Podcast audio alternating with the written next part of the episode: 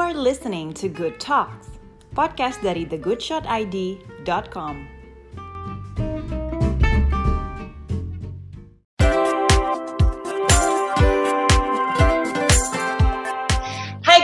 friends, we're back di Good Shot, di Good Talk. Kali ini barengan sama Mas Bayu Lutfianto. Kita kenal udah dari zamannya gue di CNN Indonesia. Waktu itu nginterview Mas Bayu ngomongin soal grafologi. Dan sekarang Mas Bayu udah ngeluarin buku yang kedua juga, analisis tulisan tangan. Ini sebenarnya bukunya sama sama yang kemarin, cuman di ini aja ya, 2.0 aja ya Mas Bayu ya, di upgrade dikit. Iya, yes, yes, yes. Ya, ditambahin sana sini lah.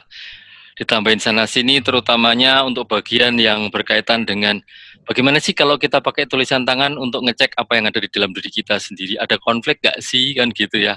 Juga yes. kalau udah konflik misalnya terus ketemunya di mana kan gitu kan. Terus nanganinya gimana gitulah.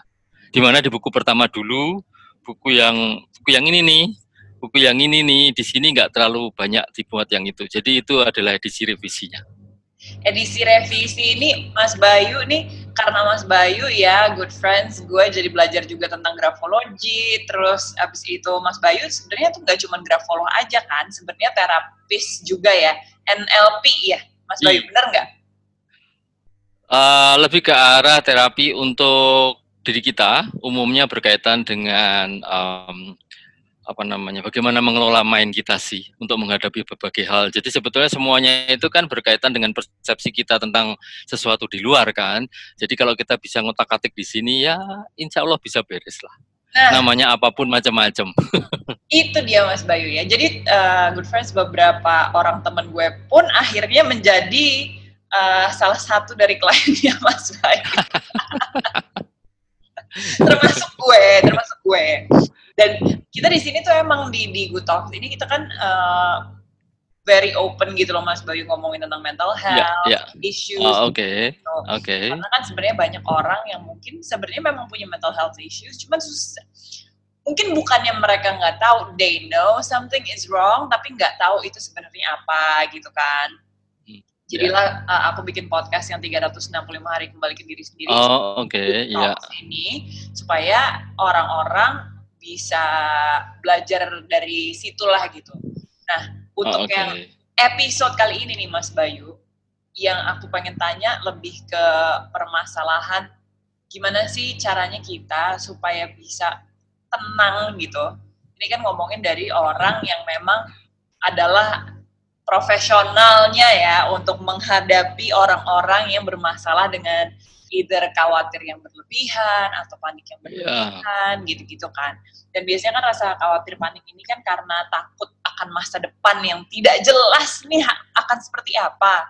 Nah, di momen-momen kayak kita sekarang ini adalah momen-momen di mana hal-hal kayak gitu dites banget gitu kan orang-orang yang tadinya punya kerjaan jadi enggak mungkin orang-orang yang penghasilannya tadi berapa akhirnya kepotong terus iya. nggak tahu ini sampai berapa lama akan kayak gitu iya iya kan? iya iya nah kalau secara Mas Bayu yang adalah profesional uh, menerapi orang-orang yang bermasalah dengan kekhawatiran yang berlebihan ini step by stepnya hmm. deh Mas Bayu ada berapa hal oh, okay.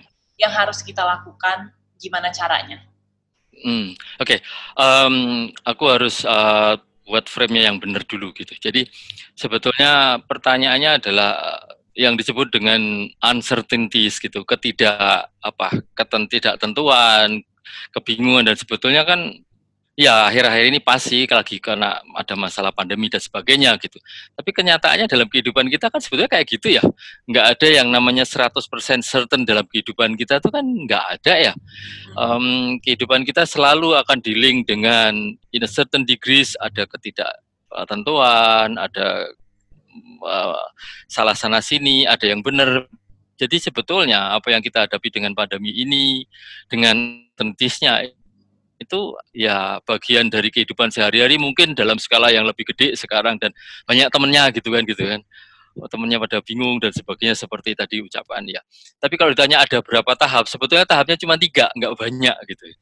Jadi menghadapi berbagai perasaan tuh tahapnya nggak banyak cuma tiga. Hanya nah ini tanda bintangnya di sini gitu kan. Hanya hanya tiga itu bisa dipakai efektif dan efisien kalau kita dasarnya kuat Jadi kalau saya nih, kalau saya karena saya urusannya dengan dengan tulisan tangan gitu, jadi biasanya yang kita atau saya lihat adalah sebetulnya apa ya? Iya kita tuh lagi menghadapi uh, anxiety segitunya juga gitu. Dan itu apa ya iya kita tuh bingung atau cuman ikut-ikutan teman bingung kita ikut bingung kan gitu ya. Karena tidak seperti gambaran orang gitu. Mungkin di mulut bilang aku nih lagi bingung nih gini-gini. Tapi kenyataannya sebetulnya di dalam diri nggak sebingung itu gitu. Sehingga sebetulnya tulisan tangan itu hanya dipakai untuk melihat seberapa bingungnya kita gitu sebagai confuse-nya seberapa anxious-nya dan sebagainya. Itu bisa pakai tulisan tangan gitu. Cuman yang menarik kan gini Sheryl ya aku harus pakai catatan nggak apa kan? Supaya nggak salah jalan. Kan kan kan yang penting gini jadi gini. Um, kenapa sih kita ngomongin ke, tentang ini gitu ya? Kenapa kita harus ngomongin tentang uncertainties dan gimana dealing? Dan sebetulnya kalau kita mau jujur banyak banget yang udah buat podcast macam-macam tentang ini kan. Wah gimana ngadepi yang tidak itu banyak banget lah berseliweran cuman yang menarik dari semuanya itu adalah bahwa orang itu banyak sekali memberikan ide-ide stepnya itu adalah step step fisiknya, step actionnya yang harus dilakukan. Kamu harus ngapain kan gitu ya? Kamu harus gini harus gitu. Padahal sebelum step fisik kan misalnya mentalnya, emosinya kan harus siapkan di situ ya. Iya. Nah kalau dalam dunia yang biasa aja ngadepi kebingungan udah kedodoran, apalagi dalam kondisi seperti sekarang. Sehingga kalau ditanya ada berapa steps, tiga gitu kan?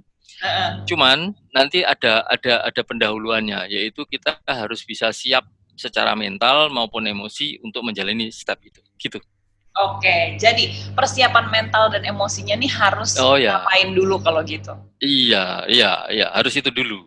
Soalnya tanpa itu cuman ah, kita mulai dari awal. Aku ya. harus buat lihat catatan dulu ya. jadi gini, yang terjadi dengan contoh dengan pandemi ini gitu, yang terjadi itu kan ada pembatasan, nggak boleh gini, nggak boleh keluar, nggak boleh ketemu. Ada ada um, apa perubahan ya toh? Orang bilang biasanya normal gitu sekarang jadi nggak normal atau new normal dan sebagainya. Jadi ada restriction ada perubahan. Tapi kenyataannya dalam hidup sehari-hari kan kayak gitu juga ya kan gitu ya? Sebenarnya dalam iya. skala-skala sama aja toh. Uh-uh. selalu akan ada pembatasan selalu akan ada um, new thing new challenge kan itu biasa banget dan ada gitu Cuman pada saat kita memang secara emosi dan mental gak siap, uh, ngadepi yang kayak gini kan jadi seru banget kayaknya jadi wow. Semua orang bingung dan semua orang muncul dengan strategi macam-macam kan sana sini gitu. Cuman yang menarik adalah strategi-strategi yang dimunculkan itu tidak pernah kembali ke titik awal. Kenapa sih kita harus bisa survive kan gitu ya? Kan pertanyaannya gitu tuh kenapa kita harus survive gitu? Kenapa kita harus ngadepi perubahan? Kan kita bisa aja diam aja kan apa ngapain gitu. Sehingga uh, pertanyaan pertama bahwa kenapa kita harus survive itu harus bisa dijawab duluan gitu. Kenapa kita setelah pandemi ini kita harus bisa survive atau selama pandemi ini kita bisa survive kan itu harus dijawab duluan gitu supaya apa? Supaya kita bisa ngadepinya lebih mendasar gitu. Dan itu berkaitan dengan hal yang paling mendasar yaitu tentang value of life gitu. Emangnya emangnya apa sih gitu yang penting kok kita harus tetap jalan dalam kondisi kayak sekarang maupun setelahnya kan harus ada yang bisa dijawab di situ dong share ya. Itu jadi kalau nggak ngapain? Itu jadi masuk ke purpose bukan sih kenapa kenapa uh, aku harus survive? Misalnya hmm. jawabannya adalah karena uh, I still want to live my dreams misalnya gitu misalnya jawabannya yeah. adalah kayak gitu iya iya uh, iya iya bisa dilihat dari sana uh, atau I still want to see my family gitu kayak yang yes. gitu hal-hal itu yeah. jadi jawabannya gitu ya jawaban tengah middle answernya okay. I want to uh, uh, pengen tetap ketemu keluarga kepengen to live your life itu kan itu jawaban tengah gitu sebetulnya jawaban mendasarnya aku akan nanya kenapa kok kepengen ketemu family Oh, because I want to be happy. Ah, oke. Okay. Jadi dan dan family itu meanings a lot to you? Yes. And connection, nah, mau create connection. Nah, jadi connection penting bagi kamu. Kan gitu ya? Yes. Kan gitu kan. And be part of the family itu uh, penting bagi kamu. Kan gitu ya? Jadi yang harus dicari eh, adalah di situnya, bukan cuma middle answer-nya bahwa aku pengen tetap hidup ada dengan family, tapi kenapa sih kan gitu kan? uh, apa pentingnya gitu. Nah sekarang aku nanya kan contoh lagi. Jadi apa pentingnya kamu be part of the family?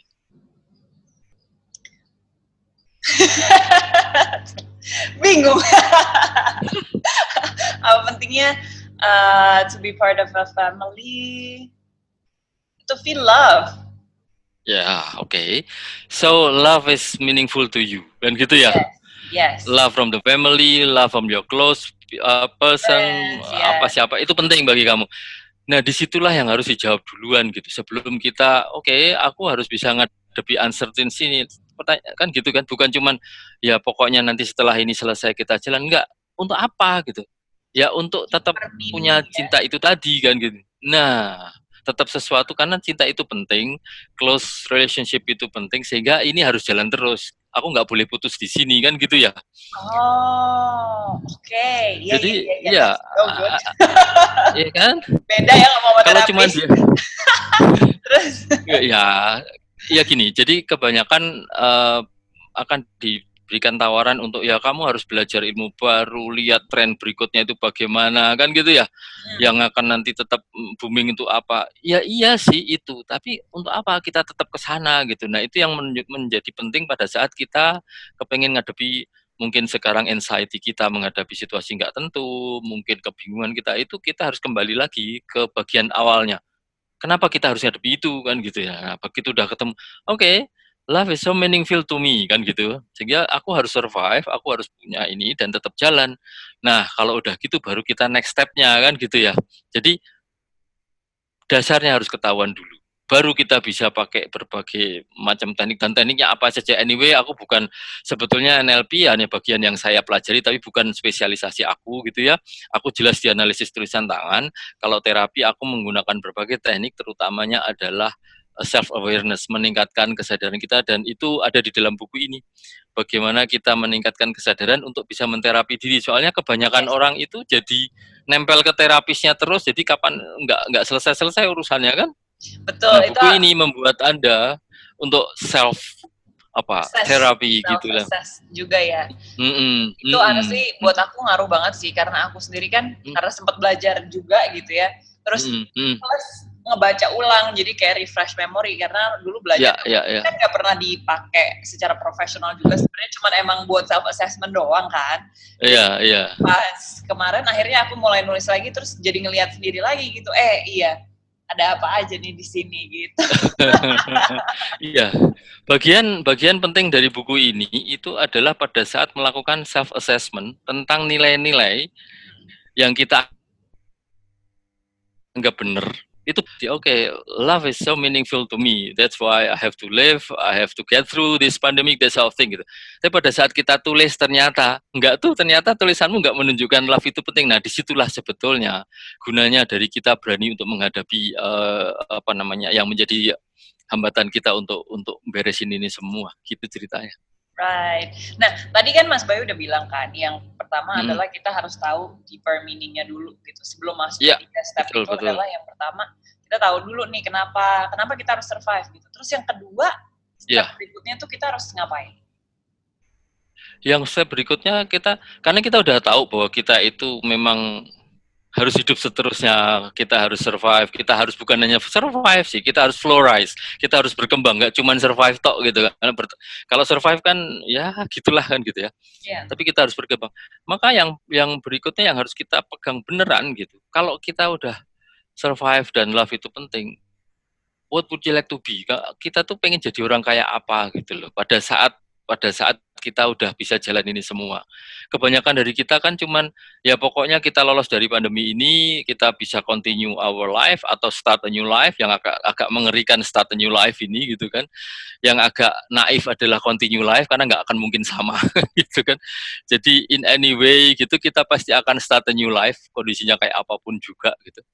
Nah, pada saat kita start a new life kan mestinya kita juga harus tahu what kind of life what, kamu tuh kayak apa gitu what would I like, look like kan gitu. Jadi yang pertama adalah alasannya, yang kedua adalah tujuannya itu. Jadi kepengen yang kayak apa.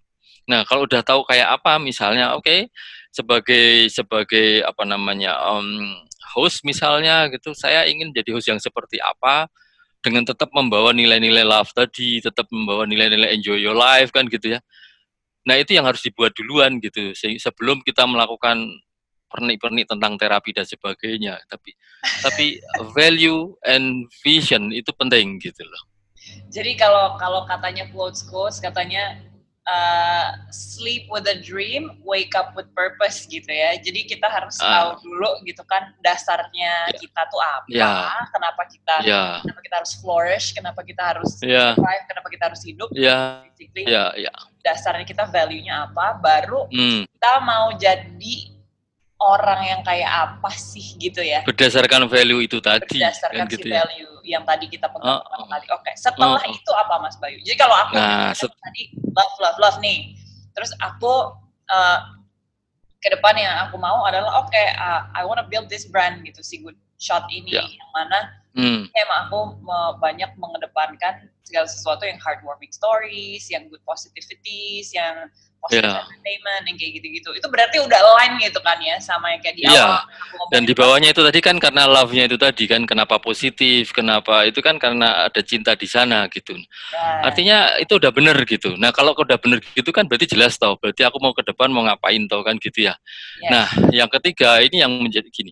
Jadi kalau kita udah dasarnya kuat, nilainya kuat, tujuannya jelas, yang biasanya ganjal untuk melakukan sesuatu itu adalah adanya emotional baggage, adanya apa timbunan-timbunan emosi cerita masa lalu kan gitu. Masa lalu itu termasuk kemarin sebelum pandemik maupun sekarang gitu.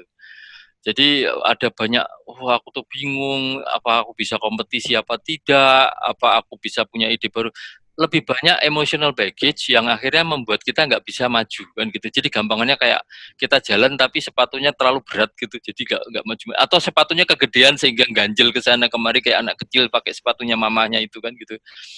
Jadi yang ketiga itu adalah bagaimana menyelesaikan atau atau, atau melepaskan ganjalan-ganjalan emosi yang selama ini ada di dalam diri kita. Karena dengan tanpa itu, dengan tanpa emosi itu, kita itu begitu sudah tahu tujuan kita tuh bisa jalan sendiri karena kita itu kan makhluk yang luar biasa ya.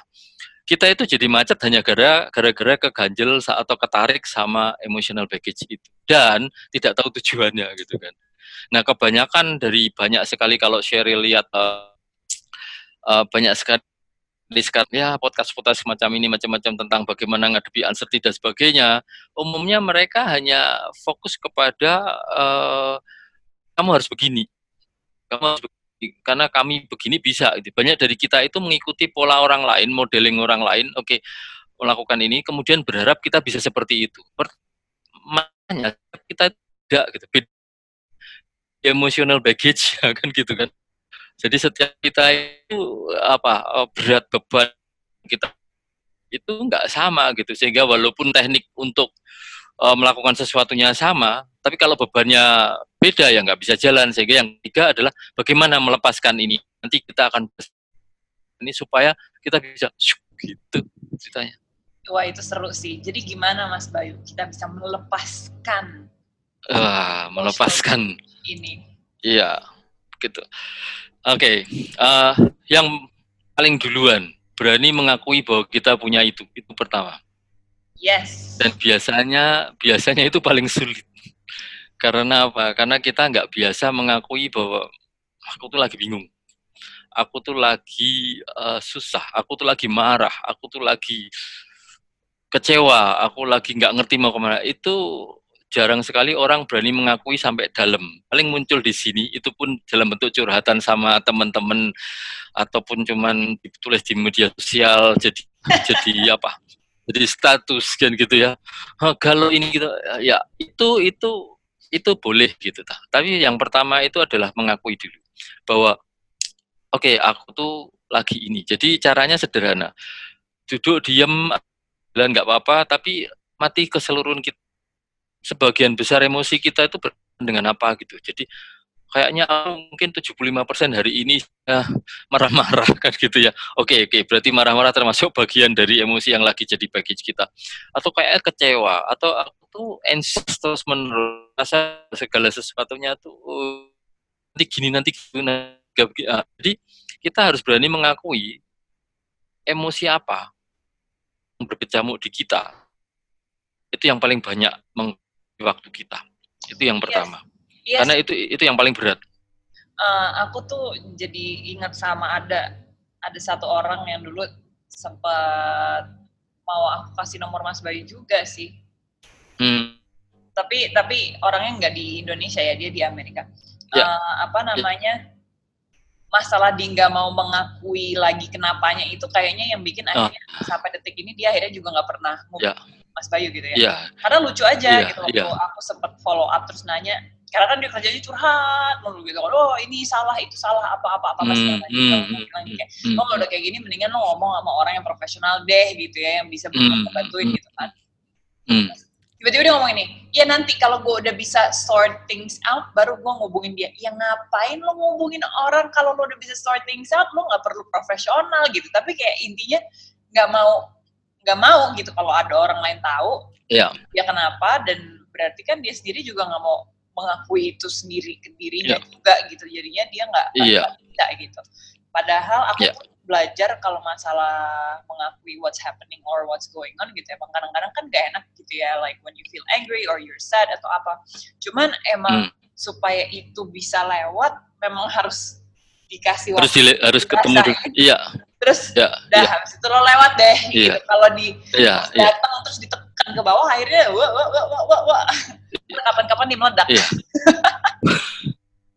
ya, jadi step pertama mengakui admitted bahwa itu yang aku rasakan for the most of the time gitu kan in a day in two days in a week gitu itu tahap pertama yang paling penting gitu. Cuman eh, mengakui gitu kebanyakan orang ya dilakukan sih. Mereka melakukan tapi dengan dicurhatkan ke sana kemari ke orang-orang yang macam-macam itu gitu kan. Iya. boleh gitu kalau orang yang dicurhati punya waktu kan gitu ya. Iya. uh, dia mungkin punya punya waktu dua hari itu dengerin. Eh oh, it's okay gitu. Masalahnya nggak setiap orang punya waktu untuk dengerin uh, curhatan kita gitu jadi curhat nggak salah gitu, tapi cari tempat yang benar. Paling gampang ya, boleh curhat di kamar mandi boleh lah gitu kan. Kalau curhat di luar di ruang tamu tadi kira kita ngomong sendiri. Tapi intinya minim, oke, okay, akui bahwa ini yang aku rasakan. Oke, okay, ini yang aku rasakan. Aku merasa begini, begini, begini, begini. Jadi mengakui itu adalah tahap pertamanya. Dan itu membutuhkan courage, itu membutuhkan semangat, membutuhkan keberanian uh, setelah mengakui baru yang tahap kedua face your monster kan gitu kan. Hadapi monsternya squarely gitu ya. Uh, kebanyakan dari kita ya aku tuh bingung lah sebagainya anxious. Aku tuh nggak kayak gila ya keluar aja lah aku mau. Artinya tanpa meng, apa namanya meeting dengan your own monster kita nggak bisa menyelesaikan gitu. jadi kita harus oke okay, ini yang saya rasakan. Kemudian your own monster betul hadapi dengan merasakan apa yang Anda rasakan. Namanya juga feeling, namanya juga perasaan. Feeling must be felt kan gitu. Jadi yang namanya perasaan itu ya harus dirasain kan gitu ya. Betul. Nah, cara menghadapi cara menghadapinya adalah betul-betul merasakan uh, mengamati oh ini memang yang aku tuh uh, kan gitu kan rasan dan uh, diamati dan dirasakan tanpa ini kuncinya nih ini kuncinya tanpa dianalisa kok aku bisa gini ya harusnya kan nggak boleh begini nggak gitu nggak nggak usah jadi iya. tanpa tanpa dianalisa kemudian tanpa dibenci harusnya aku nggak begini aku bukan orang aku bukan tipe orang itu bukan jadi tanpa dianalisa tanpa dibenci dan tanpa diupayakan untuk di, kan di dilawan dia nggak usah nggak penting itu gitu. Yang penting itu adalah sit with your monster kan gitu kan. Ya. Duduk bersama monstermu nah, gitu ada dengan ah, tunggu, anda putus, aman. Putus, putus, putus. Oh ya, putus-putus ini. Ah, oke, okay. ini internetnya agak. Udah, belum? Ya, putus. udah. Jadi yang paling Jadi, penting adalah duduk dengan monstermu, terus duduk ya, sit with your monster. Duduk amati dia kan gitu kan. Oke, okay, ini rasanya kayak gini ya, udah terima. Jadi yang tadi yang pertama itu kita punya courage untuk untuk mengakui. Itu pertama courage gitu kita untuk mengakui. Setelah berani mengakui maka kita iya, kita berproses. Kita berproses pada titik di mana oke okay, ini monster saya. Itu accept accept bahwa kita punya monster itu. Jadi ada itu nanti kaitannya kalau di buku kalau di buku ini ada ya. Itu sebetulnya di, di dibuat oleh namanya uh, eh, Dr. David Hawkins kan gitu ya. Dr. David Hawkins itu seorang psikiater dari Amerika yang menerjemahkan, membuat penelitian tentang tahapan kesadaran. Pada saat kita itu berani mengakui bahwa sesuatu ada di diri kita, itu kita punya courage. Tapi setelah kita bisa accept, oke, okay, this is my monster kan gitu kan. Ini yang selama ini gandulin membuat musik. Amati dia dan jangan diamati dengan tetap sit with your monster tanpa melawan, tanpa apa-apa. Nanti lama-lama akan pamit pulang sendiri, nggak usah ngapa-ngapain kan gitu ya. Jadi tahap pertama akui, tahap kedua monster, tahap ketiga itu lepasin kalau dia mau pulang kan gitu. Ah, say goodbye kan gitu kan. Nggak usah dipegangin gitu. Nah lucunya sebagian dari kita itu merasa kalau kita melepaskan monster di lucu aku tuh biasanya nervous. Aku nggak nervous lagi gimana kan gitu. Ya, yeah. padahal nggak ya kan gitu. Jadi lepasin. Lepasin say goodbye nanti dia akan lepas. Dan begitu kita lepasin ada ada sesi untuk melepasin ada yang ada yang lepasin, ambil nafas, lepasin boleh kan gitu kan.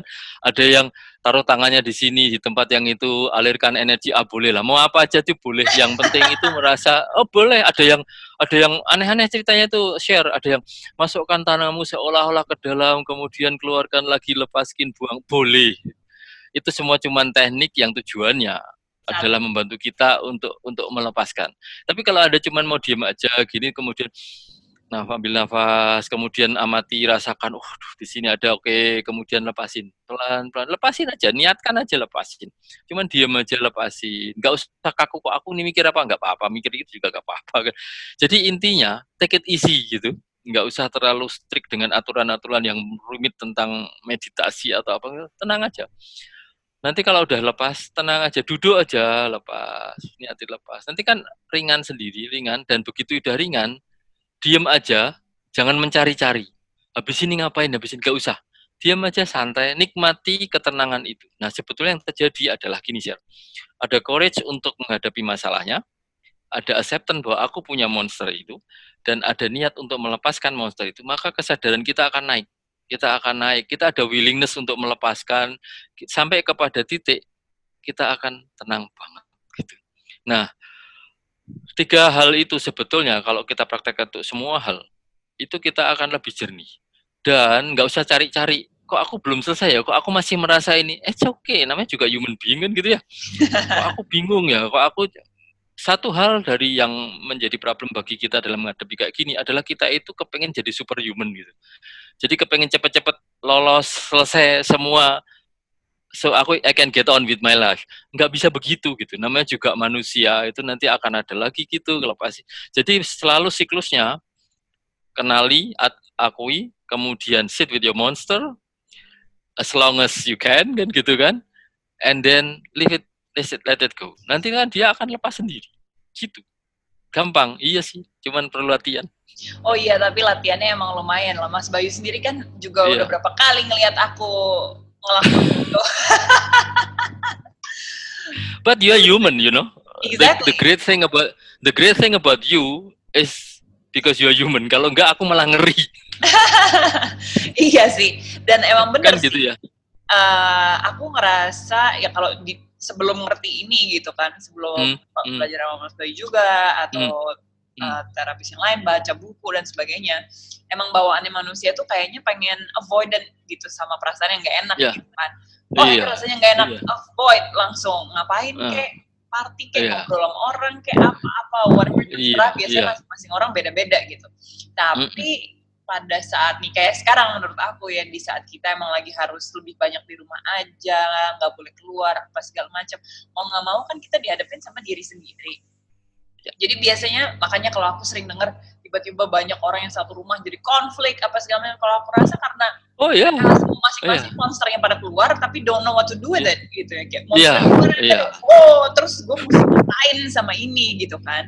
Yang menarik Syar, huh? yang menarik if you if you don't um, apa face your monster you become the monster kan gitu. Jadi lu tidak di situ gitu loh. Iya benar benar. Iya Karena jadi kita jadi iya. Jadi ini ini modelnya kayak modelnya kayak covid itu sendiri kan. Covid itu kan sebetulnya dari luar gitu dia itu barang mati kalau di luar, tapi begitu dia nempel di sel manusia, dia masuk dan mengambil alih sel manusia, itu dia take control semuanya. Jadi akhirnya manusianya itu sakit karena selnya diambil alih oleh COVID-nya kan gitu ya. Betul. Ini padahal kalau COVID itu di luar tubuh manusia, dia tuh dia tuh kan makhluk hidup sama sekali. Dia itu nggak ada hidupnya sama sekali gitu. Dia cuma kumpulan protein aja nempel di situ.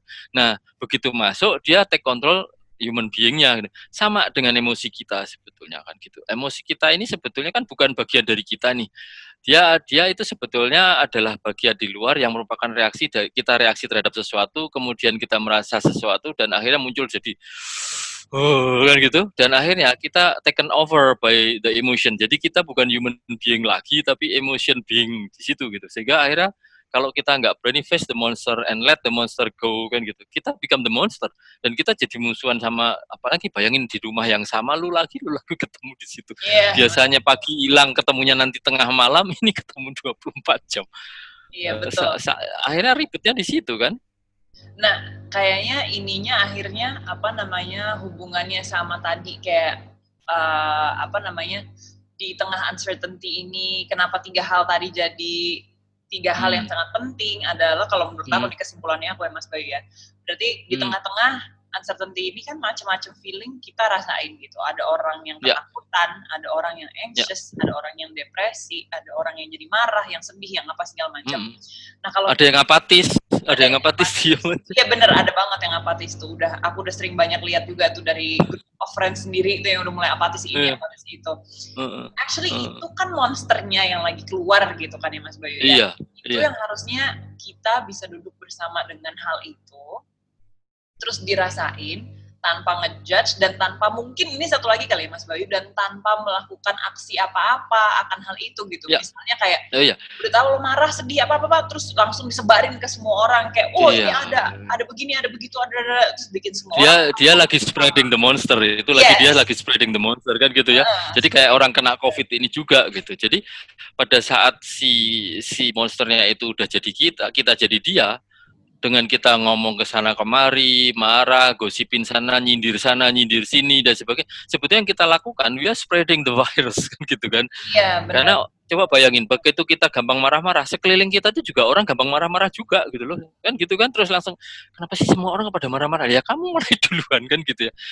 Iya, benar. No, jangan begitu. Jadi caranya adalah oke, okay, sadari bahwa kita punya sesuatu. Nah, admit it kan gitu kan. Oke, okay, have this one kan? Admit it kemudian face with the monster. Oke okay, apa sih yang terjadi sekarang? Bentuknya kayak apa? Apa rasanya di mana di badanku? Oke okay, diem rasakan oh kayak di sini tuh jadi kayak oh kepengen oke okay, oke okay, ini ada di sini. Oke okay, nggak usah dianalisa nggak usah dilawan nggak usah dijauhin nggak usah pura-pura nggak tahu amati aja duduk sit just sit there. Sit there. Nanti dia dia lama-lama dia kan udah bosen sendiri gak ada yang menarik dari kita kali gitu kan. Terus dia akan pergi sendiri kan gitu kan. Karena kita nggak bisa menularkan. Ini analogi analogi main-main aja ya. Tapi pada saat kita udah nggak menularkan ke sana kemari dengan misalnya cerita kemarahan kita kemudian kekecewaan kita dan sebagainya kan sebetulnya tujuan dari monster itu nggak tercapai toh kan nggak nggak nggak punya teman lebih banyak lagi kan gitu jadi dia akan kabur sendiri dan pada saat kabur kita akan jernih kita akan jernih pada saat kita jernih maka value vision yang kita tadi bahas di awal itu tadi itu akan muncul menjadi guidance kita di dalam menjalani hidup berikutnya gitu. Jadi sebetulnya kalau mau jujur ya ya, kita tuh sekarang tuh nggak perlu nyari sana sini tren berikutnya harus bagaimana nanti kalau habis ini nanti bagaimana kita pelajari semuanya boleh sih tapi itu ribet banget gitu karena apa? Kita butuh database seberapa gede untuk bisa ngadepi future kan gitu kan. Database kita mungkin nggak cukup gitu. Sehingga cara yang paling gampang itu adalah kita lepaskan semua baggage tadi, kemudian kita jernih, kita punya tujuan. Let the universe guide you kan gitu. Let the God, let God guide you. Kita diam jernih nanti akan Tuhan akan membimbing kita. Kita oh iya ya, ya aku mau gini deh, aku mau telepon ini deh. Kayak jadi konsepnya adalah jernih dulu nanti kita akan dapat insight, inspirasi. kita dapat pencerahan, inspirasi, baru action. Soalnya kalau kita merancangnya dari sekarang, aku cuma mau nanya satu hal, seberapa besar databasemu untuk ngadepi future, kan gitu kan? seberapa pinternya kita, seberapa equipnya kita, enggak sih kan gitu kan? Ya kita ya memang manusia, akui bahwa kita manusia gitu, dan kita memang selalu akan butuh connect kepada yang maha kuasa untuk membimbing kita jalan ke depan kan gitu ya.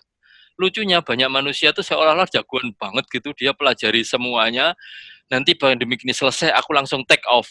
Pertanyaanku kok kamu tahu tekonya ke situ dari mana? Kan gitu kan? Emang data database kamu seberapa hebat kan gitu ya?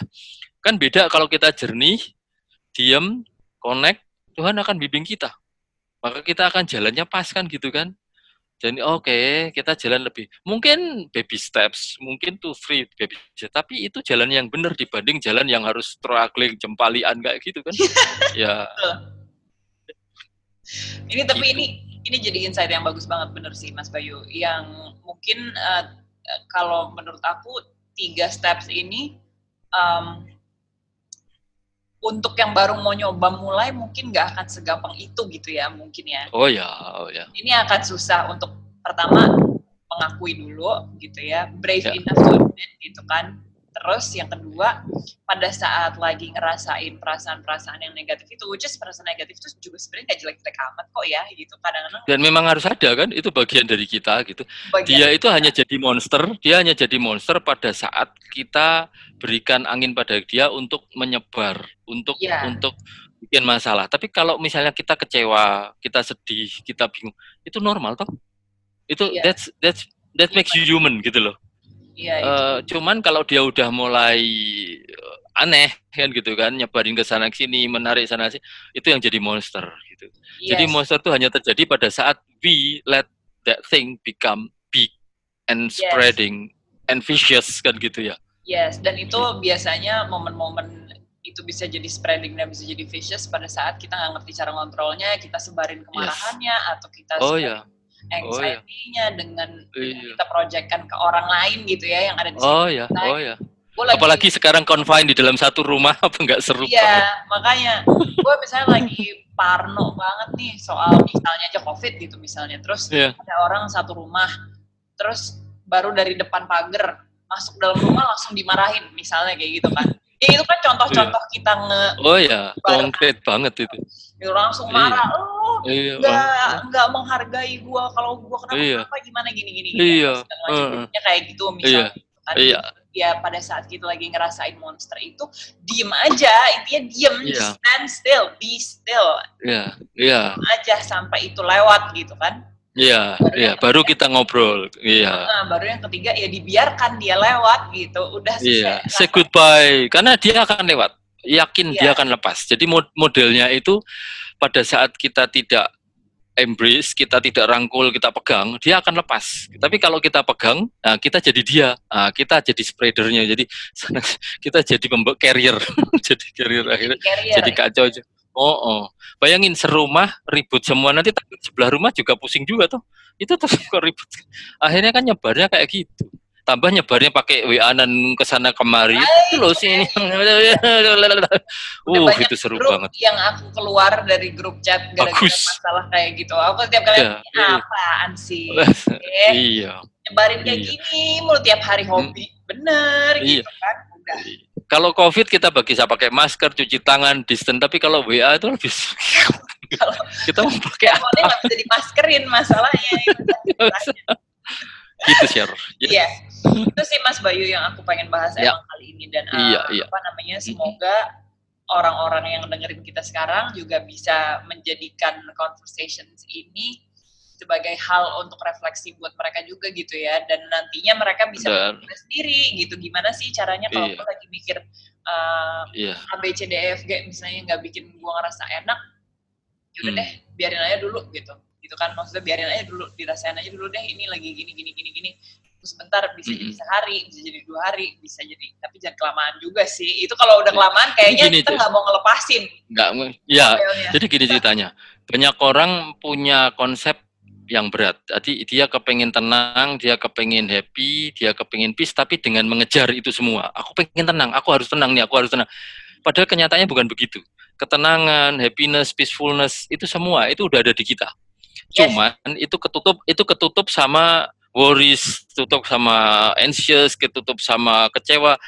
Nah, tugas kita itu bukan mengejar kesenangan atau ketenangan atau keyakinan untuk jalan, tapi melepaskan tutup-tutup ini semua, kita lepaskan, kita lepas. Begitu itu lepas, itu akan muncul sendiri share. Jadi kita nggak perlu ngapa-ngapain.